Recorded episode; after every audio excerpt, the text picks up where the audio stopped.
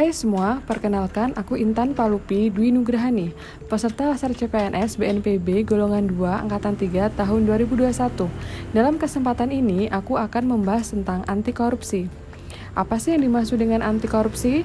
Korupsi merupakan perbuatan penyelewengan atau penggelapan uang negara atau perusahaan untuk keuntungan pribadi maupun golongan. Korupsi telah menimbulkan kerugian negara yang sangat besar yang dapat berdampak pada timbulnya krisis di berbagai bidang.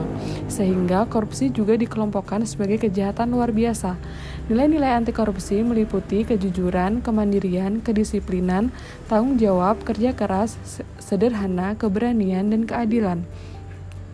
Siapa sih yang harus menerapkan nilai-nilai anti korupsi? Tentunya ASN sebagai pihak yang memiliki fungsi sebagai pelaksana pelayanan terhadap masyarakat serta perekat dan pemersatu bangsa harus menanamkan nilai-nilai anti korupsi. Hal tersebut tentunya akan berdampak pada kualitas layanan yang akan diberikan kepada masyarakat serta sebagai cerminan bangsa Indonesia yang memiliki pelayanan publik yang berintegritas. Seorang ASN dalam menjalankan tugas sehari-hari akan bersentuhan langsung dengan masyarakat yang dampaknya akan dirasakan oleh masyarakat juga. Oleh sebab itu, pemahaman dan implementasi akan nilai anti korupsi perlu diterapkan dalam menjamin kualitas layanan serta gambaran akan bangsa Indonesia yang menunjukkan menjunjung tinggi nilai kejujuran. Kapan sih nilai-nilai anti korupsi harus diterapkan? Nilai-nilai anti korupsi harus diterapkan oleh ASN baik pada lingkungan kerja maupun dalam lingkungan masyarakat. Di dalam lingkungan kerja, seorang ASN harus berupaya menghadirkan layanan yang berkualitas terhadap masyarakat dan harus dapat dipertanggungjawabkan. Sementara di masyarakat, seorang ASN harus dapat menjadi pemberi solusi bukan malah menjadi pembuat masalah. Di mana sih nilai-nilai anti korupsi harus diterapkan? Nilai-nilai anti korupsi harus diterapkan di, di mana pun oleh seorang ASN, baik pada saat menjalankan tugas maupun dalam kehidupan bermasyarakat. Penerapan nilai-nilai anti korupsi berkaitan dengan yang pertama, akuntabilitas atau kesesuaian antara aturan dan pelaksanaan kerja. Semua lembaga mempertanggungjawabkan kinerjanya sesuai aturan main baik dalam bentuk konvensi maupun konstitusi baik pada level budaya maupun pada level lembaga. Yang kedua, transparansi. Di semua proses kebijakan dilakukan secara terbuka sehingga segala bentuk penyimpangan dapat diketahui oleh publik. Yang ketiga, kewajaran untuk mencegah terjadinya manipulasi dalam penganggaran baik dalam bentuk markup dan lain-lain. Bagaimana sih menerapkan nilai-nilai anti korupsi? Perlu ditumbuhkan niat, semangat, dan komitmen anti korupsi bagi pejabat publik maupun para birokrat untuk menjamin tidak terjadinya tindakan pidana tindak pidana korupsi. Kesadaran anti korupsi yang telah mencapai puncak tertinggi akan menyentuh spiritual accountability, apalagi ketika menyadari bahwa dampak korupsi itu tidak sekedar kerugian keuangan negara, namun ada kaitannya dengan kerusakan kehidupan. Spiritual accountability yang baik akan menghasilkan niat yang baik, yang akan menghasilkan visi dan misi yang baik. Selanjutnya akan diterjemahkan dalam usaha yang terbaik untuk mendapatkan hasil yang terbaik. Hubungan konsekuensi tersebut idealnya dapat menjadi menjamin bahwa pemilik spiritual accountability yang baik akan mendorong public accountability yang baik pula. Tentunya tidak akan tergerak dan mempunyai niat sedikit pun untuk membuat kerusakan, sebaliknya justru akan membuat mempunyai niat yang sangat kuat untuk menghindari anti korupsi. Mengapa sih nilai-nilai anti korupsi perlu diterapkan? Dalam konteks Indonesia, menurut Wijaya Brata dan Zakea, korupsi setidaknya telah menyebabkan dua dampak utama terhadap perekonomian, yakni yang pertama, korupsi merupakan penghambat utama dari pertumbuhan ekonomi akibat dampak negatif yang ditimbulkannya terhadap investasi dan pertumbuhan sektor swasta. Yang kedua, menjauhnya dan bahkan larinya investor luar negeri dari Indonesia akibat korupsi yang semakin menjadi di Indonesia. Selain dikarenakan kolapsnya sejumlah infrastruktur dasar yang penting dalam investasi.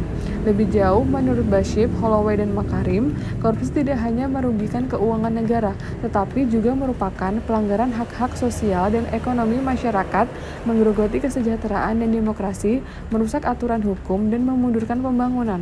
Sekian penjelasan singkat dari saya tentang anti korupsi. Sampai jumpa dan terima kasih.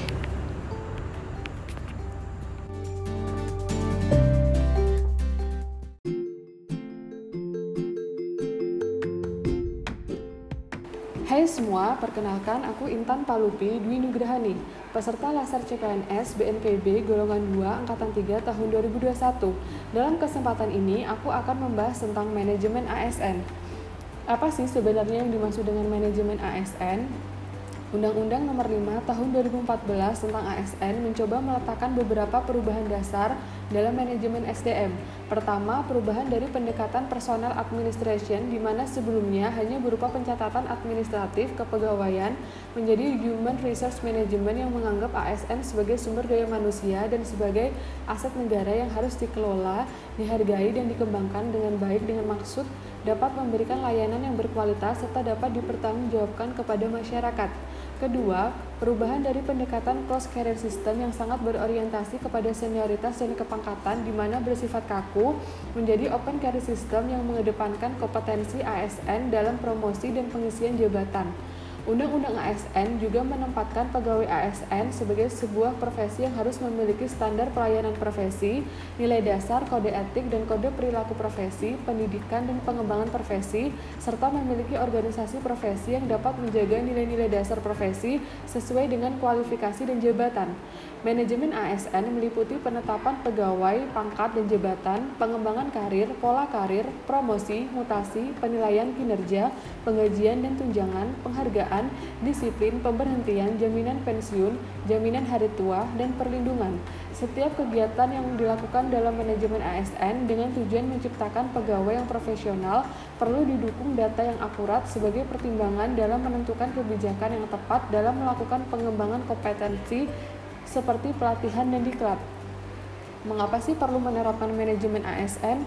Pegawai ASN menjalankan perannya pada setiap tahap, yaitu sebagai perencana, pelaksana, dan pengawas penyelenggaraan tugas umum pemerintahan dan pembangunan nasional melalui pelaksanaan kebijakan dan pelaksana pelayanan publik yang profesional, bebas dari intervensi politik, serta bersih dari praktik korupsi, kolusi, dan nepotisme.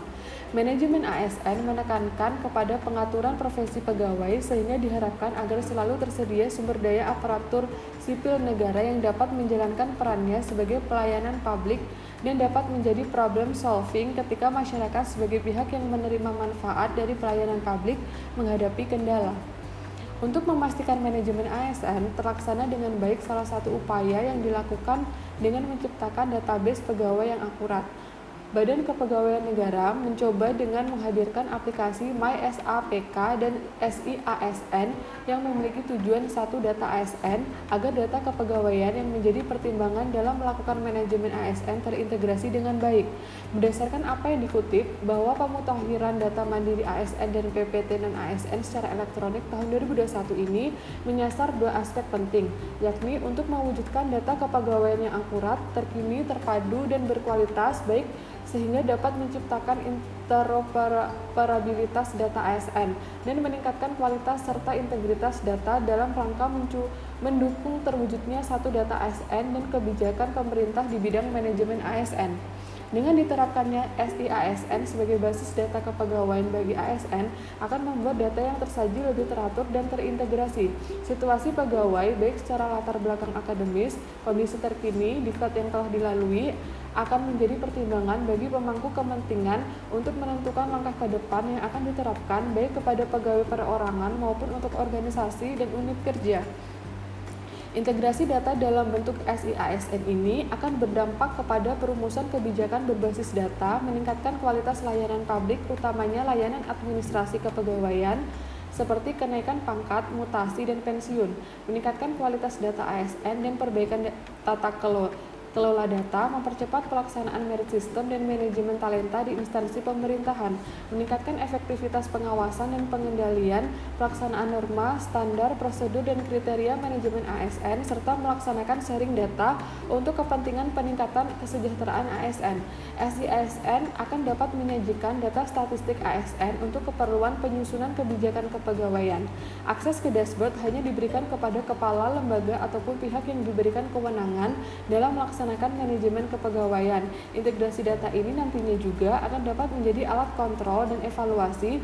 Data yang disajikan akan dapat dimanfaatkan oleh evaluator untuk melakukan notifikasi bagi ASN yang bermasalah sehingga menjadi pertimbangan pada proses kepegawaian. Sekian penjelasan singkat dari saya mengenai manajemen ASN. Sampai jumpa dan terima kasih.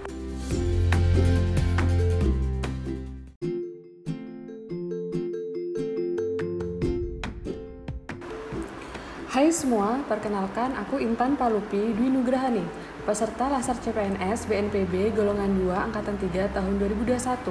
Dalam kesempatan ini, aku akan membahas tentang Wall of Government. Apa sih yang dimaksud dengan Wall of Government? Wall of Government menjelaskan bagaimana instansi pelayanan publik bekerja lintas batas atau lintas sektor guna mencapai tujuan bersama dan sebagai respon terpadu pemerintah terhadap isu-isu tertentu. WOG merupakan pendekatan yang menekankan aspek kebersamaan dan menghilangkan sekat-sekat sektor yang selama ini terbangun. Sebagai institusi formal negara, pemerintah wajib mendorong tumbuhnya nilai-nilai perekat kebangsaan yang menjamin bersatunya berbagai elemen kebangsaan dalam satu frame. Wall of Government merupakan salah satu frame yang dapat diterapkan dalam pemerintahan dalam rangka meminimalisir disintegrasi bangsa dan menghilangkan fragmentasi sektor. Seluruh elemen pemerintah, khususnya aparatur sipil negara, memiliki peran yang sangat besar terhadap terwujudnya Wall of Government. Mengapa sih Wall of Government?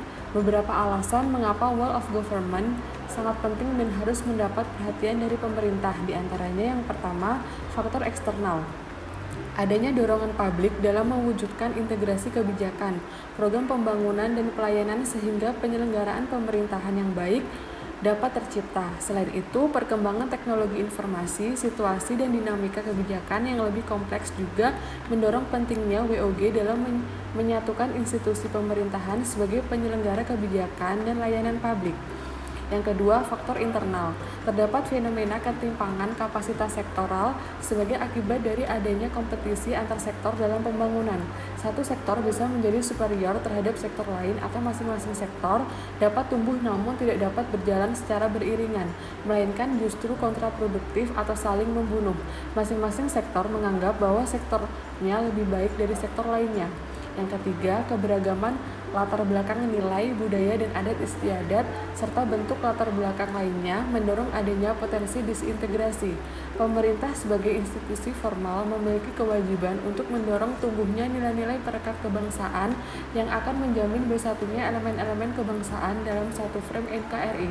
POG menjadi penting karena sangat diperlukan sebuah upaya untuk memahami pentingnya kebersamaan dari seluruh sektor guna mencapai tujuan bersama. Sikap, perilaku, dan nilai yang berorientasi sektor harus dicairkan dan dibangun dalam fondasi kebangsaan yang lebih mendasar, yang mendorong adanya semangat persatuan dan kesatuan. Bagaimana sih Wall of Government dilakukan?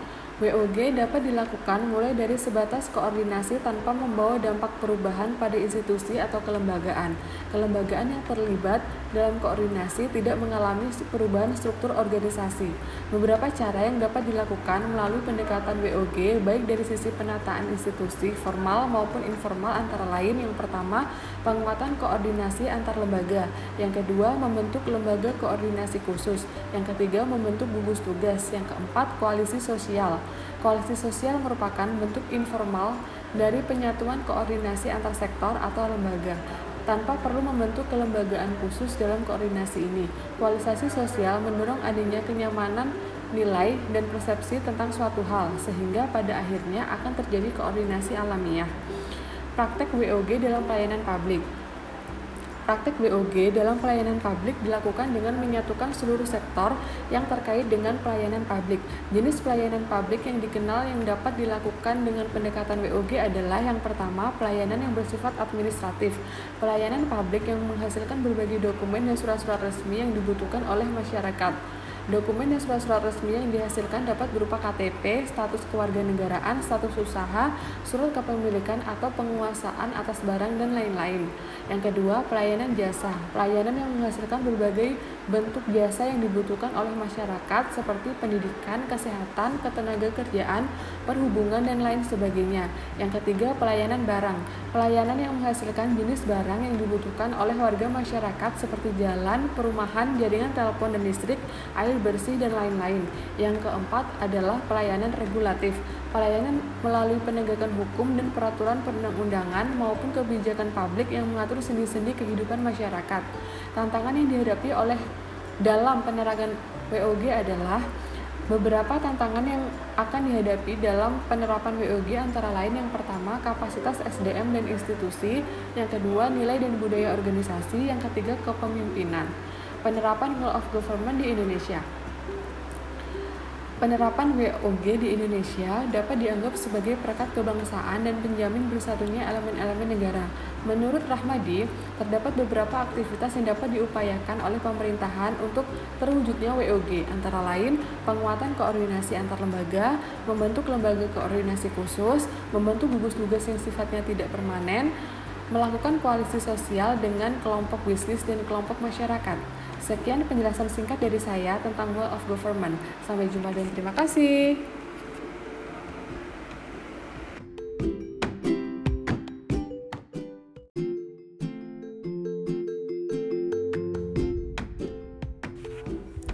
Hai semua, perkenalkan aku Intan Palupi Dwi Nugrahani, peserta Lasar CPNS BNPB golongan 2 angkatan 3 tahun 2021.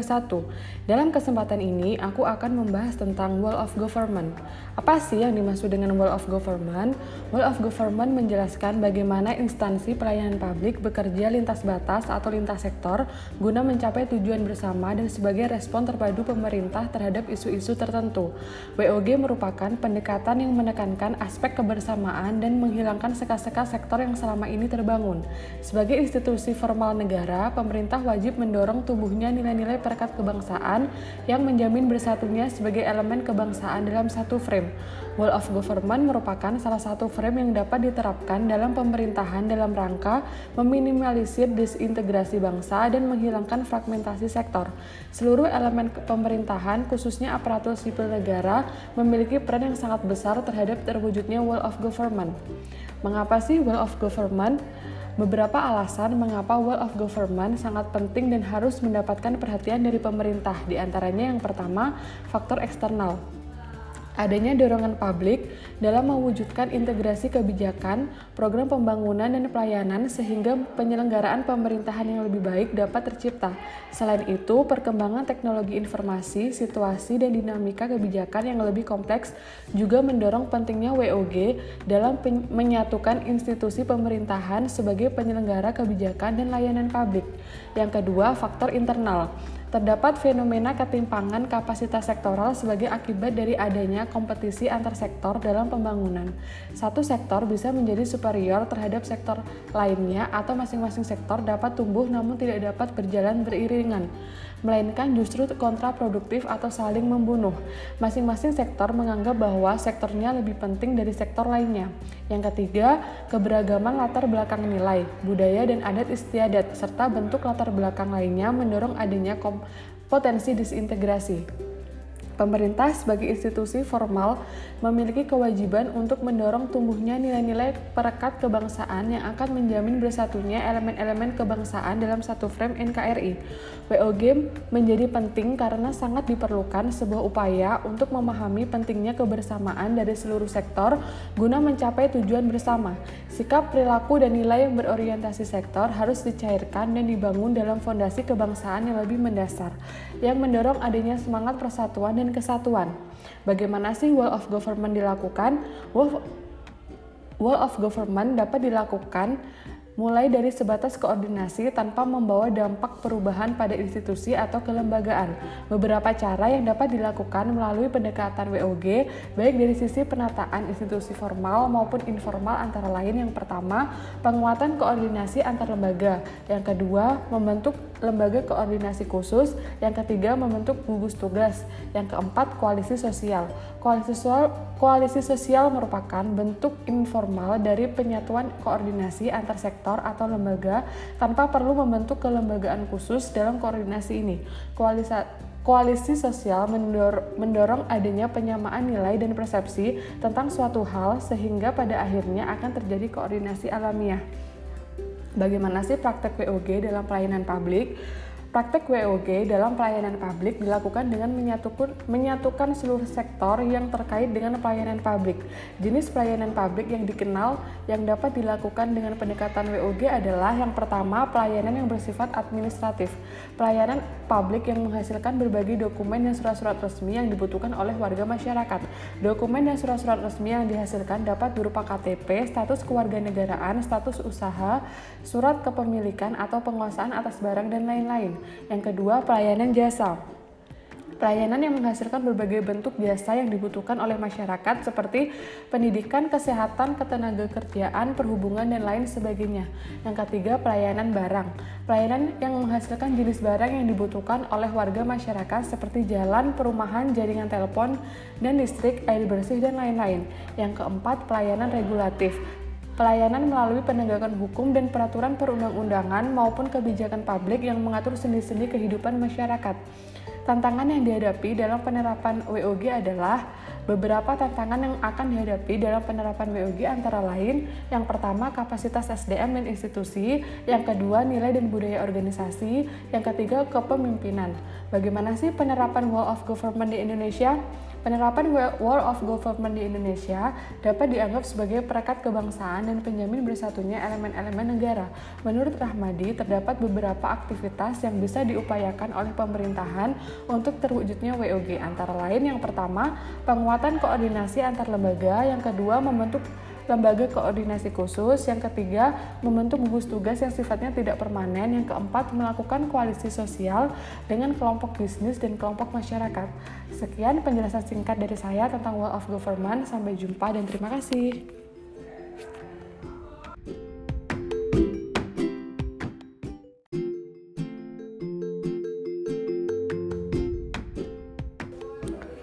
Hai semua, perkenalkan aku Intan Palupi Dwi Nugrahani, peserta Laser CPNS BNPB golongan 2 angkatan 3 tahun 2021.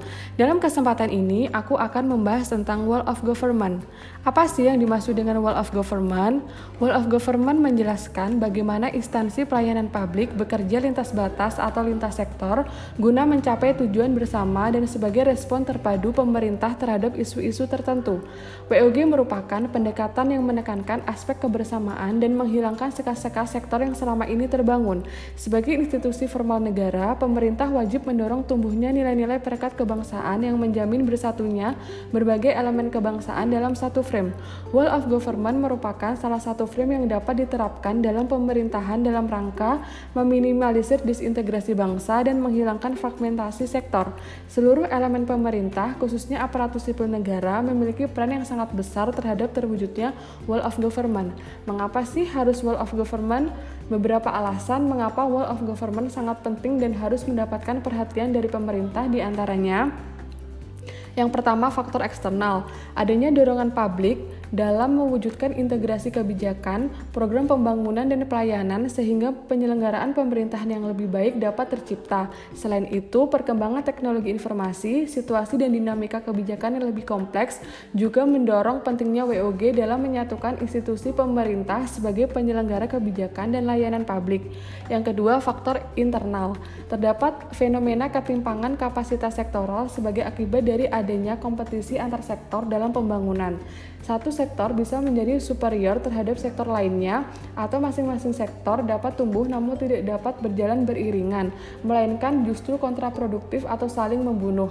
Masing-masing sektor menganggap bahwa sektornya lebih penting dari sektor lainnya. Yang ketiga, keberagaman latar belakang, nilai, budaya, dan adat istiadat serta bentuk latar belakang lainnya mendorong adanya potensi disintegrasi.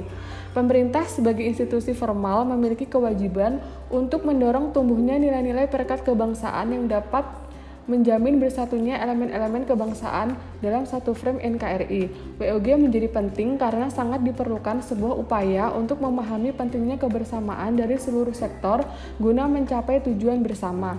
Sikap perilaku dan nilai yang berorientasi sektor harus dicairkan dan dibangun dalam fondasi kebangsaan yang lebih mendasar yang mendorong adanya semangat persatuan dan kesatuan. Bagaimana sih wall of government dilakukan? Beberapa cara yang dapat dilakukan melalui pendekatan WOG baik dari sisi penataan institusi formal maupun informal antara lain. Yang pertama penguatan koordinasi antar lembaga. Yang kedua membentuk lembaga koordinasi khusus. Yang ketiga membentuk gugus tugas. Yang keempat kualitas Koalisi sosial. Koalisi sosial merupakan bentuk informal dari penyatuan koordinasi antar sektor atau lembaga, tanpa perlu membentuk kelembagaan khusus dalam koordinasi ini. Koalisi sosial mendorong adanya penyamaan nilai dan persepsi tentang suatu hal, sehingga pada akhirnya akan terjadi koordinasi alamiah. Bagaimana sih praktek WOG dalam pelayanan publik? Praktek WOG dalam pelayanan publik dilakukan dengan menyatukan seluruh sektor yang terkait dengan pelayanan publik. Jenis pelayanan publik yang dikenal yang dapat dilakukan dengan pendekatan WOG adalah yang pertama, pelayanan yang bersifat administratif. Pelayanan publik yang menghasilkan Berbagai dokumen dan surat-surat resmi yang dibutuhkan oleh warga masyarakat disebut dengan pelayanan yang bersifat administratif. Dokumen dan surat-surat resmi yang dihasilkan dapat berupa KTP, status kewarganegaraan, status usaha, surat kepemilikan atau penguasaan atas barang, dan lain-lain.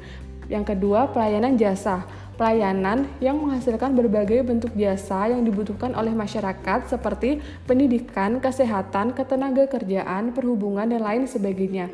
Yang ketiga, pelayanan barang. Pelayanan yang menghasilkan jenis barang yang dibutuhkan oleh warga masyarakat seperti jalan, perumahan, jaringan telepon dan listrik, air bersih, dan lain-lain.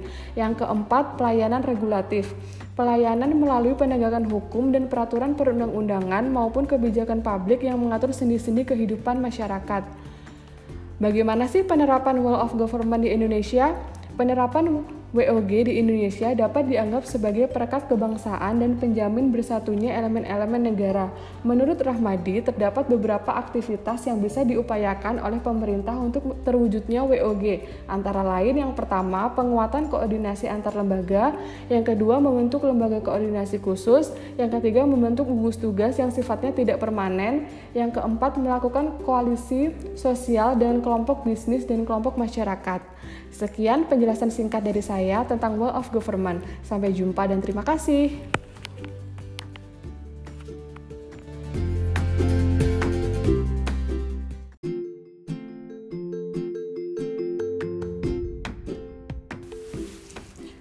Semua, perkenalkan aku Intan Palupi Dwi Nugrahani, peserta Laser CPNS BNPB golongan 2 angkatan 3 tahun 2021. Dalam kesempatan ini, aku akan membahas tentang isu penanggulangan bencana dalam konteks pelayanan publik yang sudah baik. Dalam hal ini, saya akan mengangkat isu koordinasi pentahelix pada bencana tanah longsor Sumedang tahun 2021. Koordinasi merupakan suatu usaha yang berfungsi untuk mengarahkan pelaksanaan suatu kegiatan guna menghasilkan suatu tindakan yang seragam dan harmonis sesuai dengan sasaran dan tujuan yang telah ditentukan. Tanpa adanya koordinasi, maka perencanaan yang telah ditetapkan dan tujuan dari kegiatan yang diselenggarakan akan sulit tercapai, bahkan berpotensi mengalami kegagalan atau paling tidak capaian tersebut jauh dari kata sempurna karena ketiadaan harmonisasi dan penyesuaian langkah apa yang akan dilakukan selanjutnya. Dalam hal penanggulangan bencana, terdapat beberapa unit-unit organisasi atau stakeholder yang saling berintegrasi atau berkoordinasi, saling terkait satu organisasi dengan yang lainnya dalam melaksanakan unsur-unsur kegiatan pada manajemen bencana guna mencapai efektivitas penanggulangan bencana. Tepatnya pada tanggal 9 Januari tahun 2021, Bencana tanah longsor menimpa warga di Desa Cihanjuang, Kecamatan Cimanggung, Sumedang, Jawa Barat. Dari data laporan BPBD Kabupaten Sumedang pukul 9 malam tanggal 17 Januari 2021 ada 1126 jiwa terdampak akibat bencana tanah longsor tersebut. Sebanyak 25 orang luka-luka, 32 orang meninggal dunia serta 8 orang meninggal. Selain menimbulkan korban jiwa, bencana tanah longsor ini juga menimbulkan kerugian material material, 4 unit rumah tertimbun, 5 unit rumah rusak berat, 23 unit rumah terancam, dan satu tempat ibadah rusak sedang. Terjadinya bencana tanah longsor yang berpotensi longsoran susulan di Sumedang jelas membutuhkan penanganan yang serius dari segala komponen masyarakat dan pemerintah. Dari pengamatan yang sederhana, sudah terlihat koordinasi yang masif antara institusi yang memiliki tanggung jawab serta peran terhadap menanggulangi bencana longsor. Berikut ini koordinasi pentahelix dalam menanggulangi bencana longsor di Sumedang. Yang pertama, ada beberapa akademisi seperti dosen dari Fakultas Teknik Geologi Unpad, pakar geoteknik Universitas Gajah Mada, geologi terapan FITB yang memberikan kajian penyebab longsor di Sumedang, memaparkan metode pencegahan pencegahan longsor serta melakukan pengamatan cepat pada lokasi longsoran di Cihanjuang, Cimanggung, Kabupaten Sumedang. Yang kedua, ada beberapa media seperti CNN Indonesia, Merdeka.com, dan Liputan6.com memberikan potret wilayah beserta potensi ancaman bahaya tanah longsor, memberikan penyadaran dan pemahaman kepada masyarakat mengenai penyebab terjadinya longsor agar sadar akan pentingnya mitigasi bencana serta menyampaikan fakta-fakta yang terjadi dengan menggunakan data valid seperti jumlah korban, kerusakan, serta jumlah kerugian yang dialami pada bencana tanah longsor Kabupaten Sumedang. Yang ketiga, ada Kementerian ESDM mengidentifikasi penyebab gempa.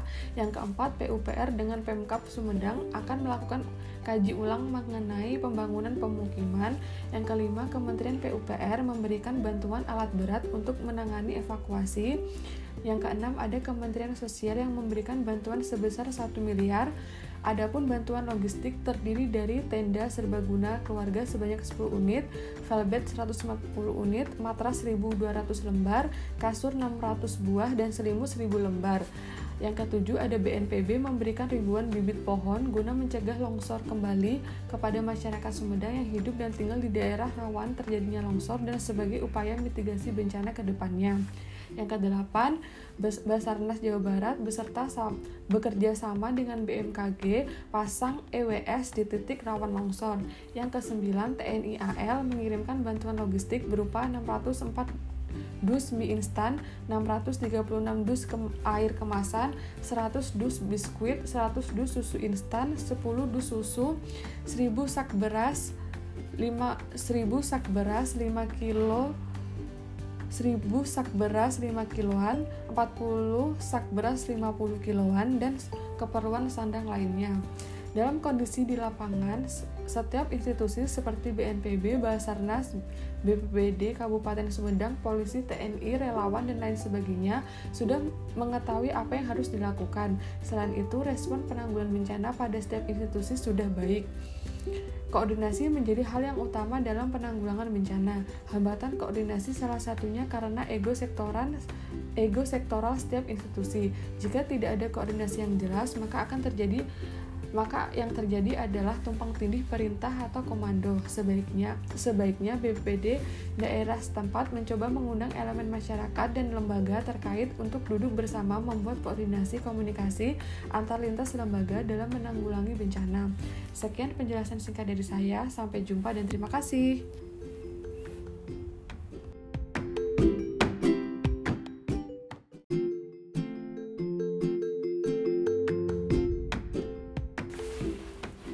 Semua, perkenalkan aku Intan Palupi Dwi Nugrahani, peserta Lasar CPNS BNPB golongan 2 angkatan 3 tahun 2021.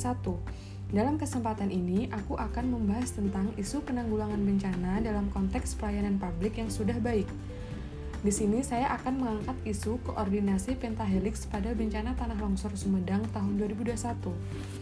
Koordinasi merupakan suatu usaha yang berfungsi untuk mengarahkan pelaksanaan suatu kegiatan guna menghasilkan suatu tindakan yang seragam dan harmonis sesuai dengan sasaran dan tujuan yang telah ditentukan. Tanpa adanya koordinasi, maka perencanaan yang telah ditetapkan dan tujuan dari kegiatan yang diselenggarakan akan sulit tercapai, bahkan berpotensi mengalami kegagalan atau paling tidak capaian tersebut jauh dari kata sempurna karena ketiadaan harmonisasi dan penyesuaian langkah apa yang akan dilakukan selanjutnya lainnya. Dalam hal penanggulangan bencana, terdapat beberapa unit-unit organisasi atau stakeholder yang saling berintegrasi atau berkoordinasi, saling terkait satu organisasi dengan yang lainnya dalam melaksanakan unsur-unsur kegiatan pada manajemen bencana guna mencapai efektivitas penanggulangan bencana. Tepatnya pada tanggal 9 Januari 2021, bencana tanah longsor menimpa warga di Desa Cihanjuang, Kecamatan Cimanggung, Sumedang, Jawa Barat. Dari data laporan BPBD Kabupaten Sumedang pukul 9 malam tanggal 17 Januari 2021, ada 1126 jiwa terdampak akibat bencana tanah longsor tersebut. Sebanyak 25 orang luka-luka, 32 orang meninggal dunia, serta 8 orang hilang. Selain menimbulkan korban jiwa, bencana longsor ini juga menimbulkan kerugian material. 4 unit rumah tertimbun, 5 unit rumah rusak berat, 23 unit rumah terancam, dan 1 tempat ibadah rusak sedang. Terjadinya bencana tanah longsor dan potensi longsor susulan di Sumedang jelas membutuhkan penanganan yang serius dari segala komponen masyarakat dan pemerintah. Dari pengamatan yang sederhana, sudah terlihat koordinasi yang masif antar institusi yang memiliki tanggung jawab serta peran terhadap menanggulangi bencana longsor. Berikut ini koordinasi Pentahelix dalam menanggulangi bencana tanah longsor di Sumedang. Yang pertama, ada beberapa akademisi seperti dosen dari Fakultas Teknik Geologi Unpad, pakar geoteknik Universitas Gajah Mada, geologi terapan FITB, memberikan kajian penyebab longsor di Sumedang, memaparkan metode pencegahan longsor, serta melakukan pengamatan cepat pada lokasi longsoran di Cihanjuang, Cimanggung, Kabupaten Sumedang. Yang kedua, ada beberapa media seperti seperti CNN Indonesia, Perdeka.com, dan Liputan 6.com memberikan potret wilayah beserta potensi ancaman bahaya tanah longsor, memberikan penyadaran dan pemahaman kepada masyarakat mengenai penyebab terjadinya longsoran agar sadar akan pentingnya mitigasi bencana, serta menyampaikan fakta-fakta yang terjadi dengan menggunakan data valid seperti jumlah korban, kerusakan, serta jumlah kerugian yang dialami pada bencana tanah longsor Kabupaten Sumedang. Yang ketiga ada Kementerian ISDM yang mengidentifikasi penyebab gempa. Yang keempat ada PUPR dengan Pemkap Sumedang akan melakukan kaji ulang mengenai pembangunan pemukiman. Yang kelima ada Kementerian PUPR memberikan bantuan alat berat untuk penanganan evakuasi. Yang keenam ada Kementerian Sosial memberi bantuan sebesar 1 miliar. Adapun bantuan logistik terdiri dari tenda serbaguna keluarga sebanyak 10 unit, velbet 150 unit, matras 1200 lembar, kasur 600 buah dan selimut 1000 lembar. Yang ketujuh ada BNPB memberikan ribuan bibit pohon guna mencegah longsor kembali kepada masyarakat Sumedang yang hidup dan tinggal di daerah rawan terjadinya longsor dan sebagai upaya mitigasi bencana ke depannya. Yang ke-8 ada Basarnas Jawa Barat bekerja sama dengan BMKG memasang EWS e di titik rawan longsor. Yang ke-9 ada TNI AL mengirimkan bantuan logistik berupa 604 das mie instan 636 dus air kemasan, 100 dus biskuit, 100 dus susu instan, 10 dus susu, 1000 sak beras 5 kiloan, 40 sak beras 50 kiloan, dan keperluan sandang lainnya. Dalam kondisi di lapangan, setiap institusi seperti BNPB, Basarnas, BPPD Kabupaten Sumedang, polisi, TNI, relawan, dan lain sebagainya sudah mengetahui apa yang harus dilakukan. Selain itu, respon penanggulangan bencana pada setiap institusi sudah baik. Koordinasi menjadi hal yang utama dalam penanggulangan bencana. Hambatan koordinasi salah satunya karena ego sektoral setiap institusi. Jika tidak ada koordinasi yang jelas, maka yang terjadi adalah tumpang tindih perintah atau komando. Sebaiknya BPPD daerah setempat mencoba mengundang elemen masyarakat dan lembaga terkait untuk duduk bersama membuat koordinasi komunikasi antar lintas lembaga dalam penanganan bencana. Sekian penjelasan singkat dari saya. Sampai jumpa dan terima kasih. thank you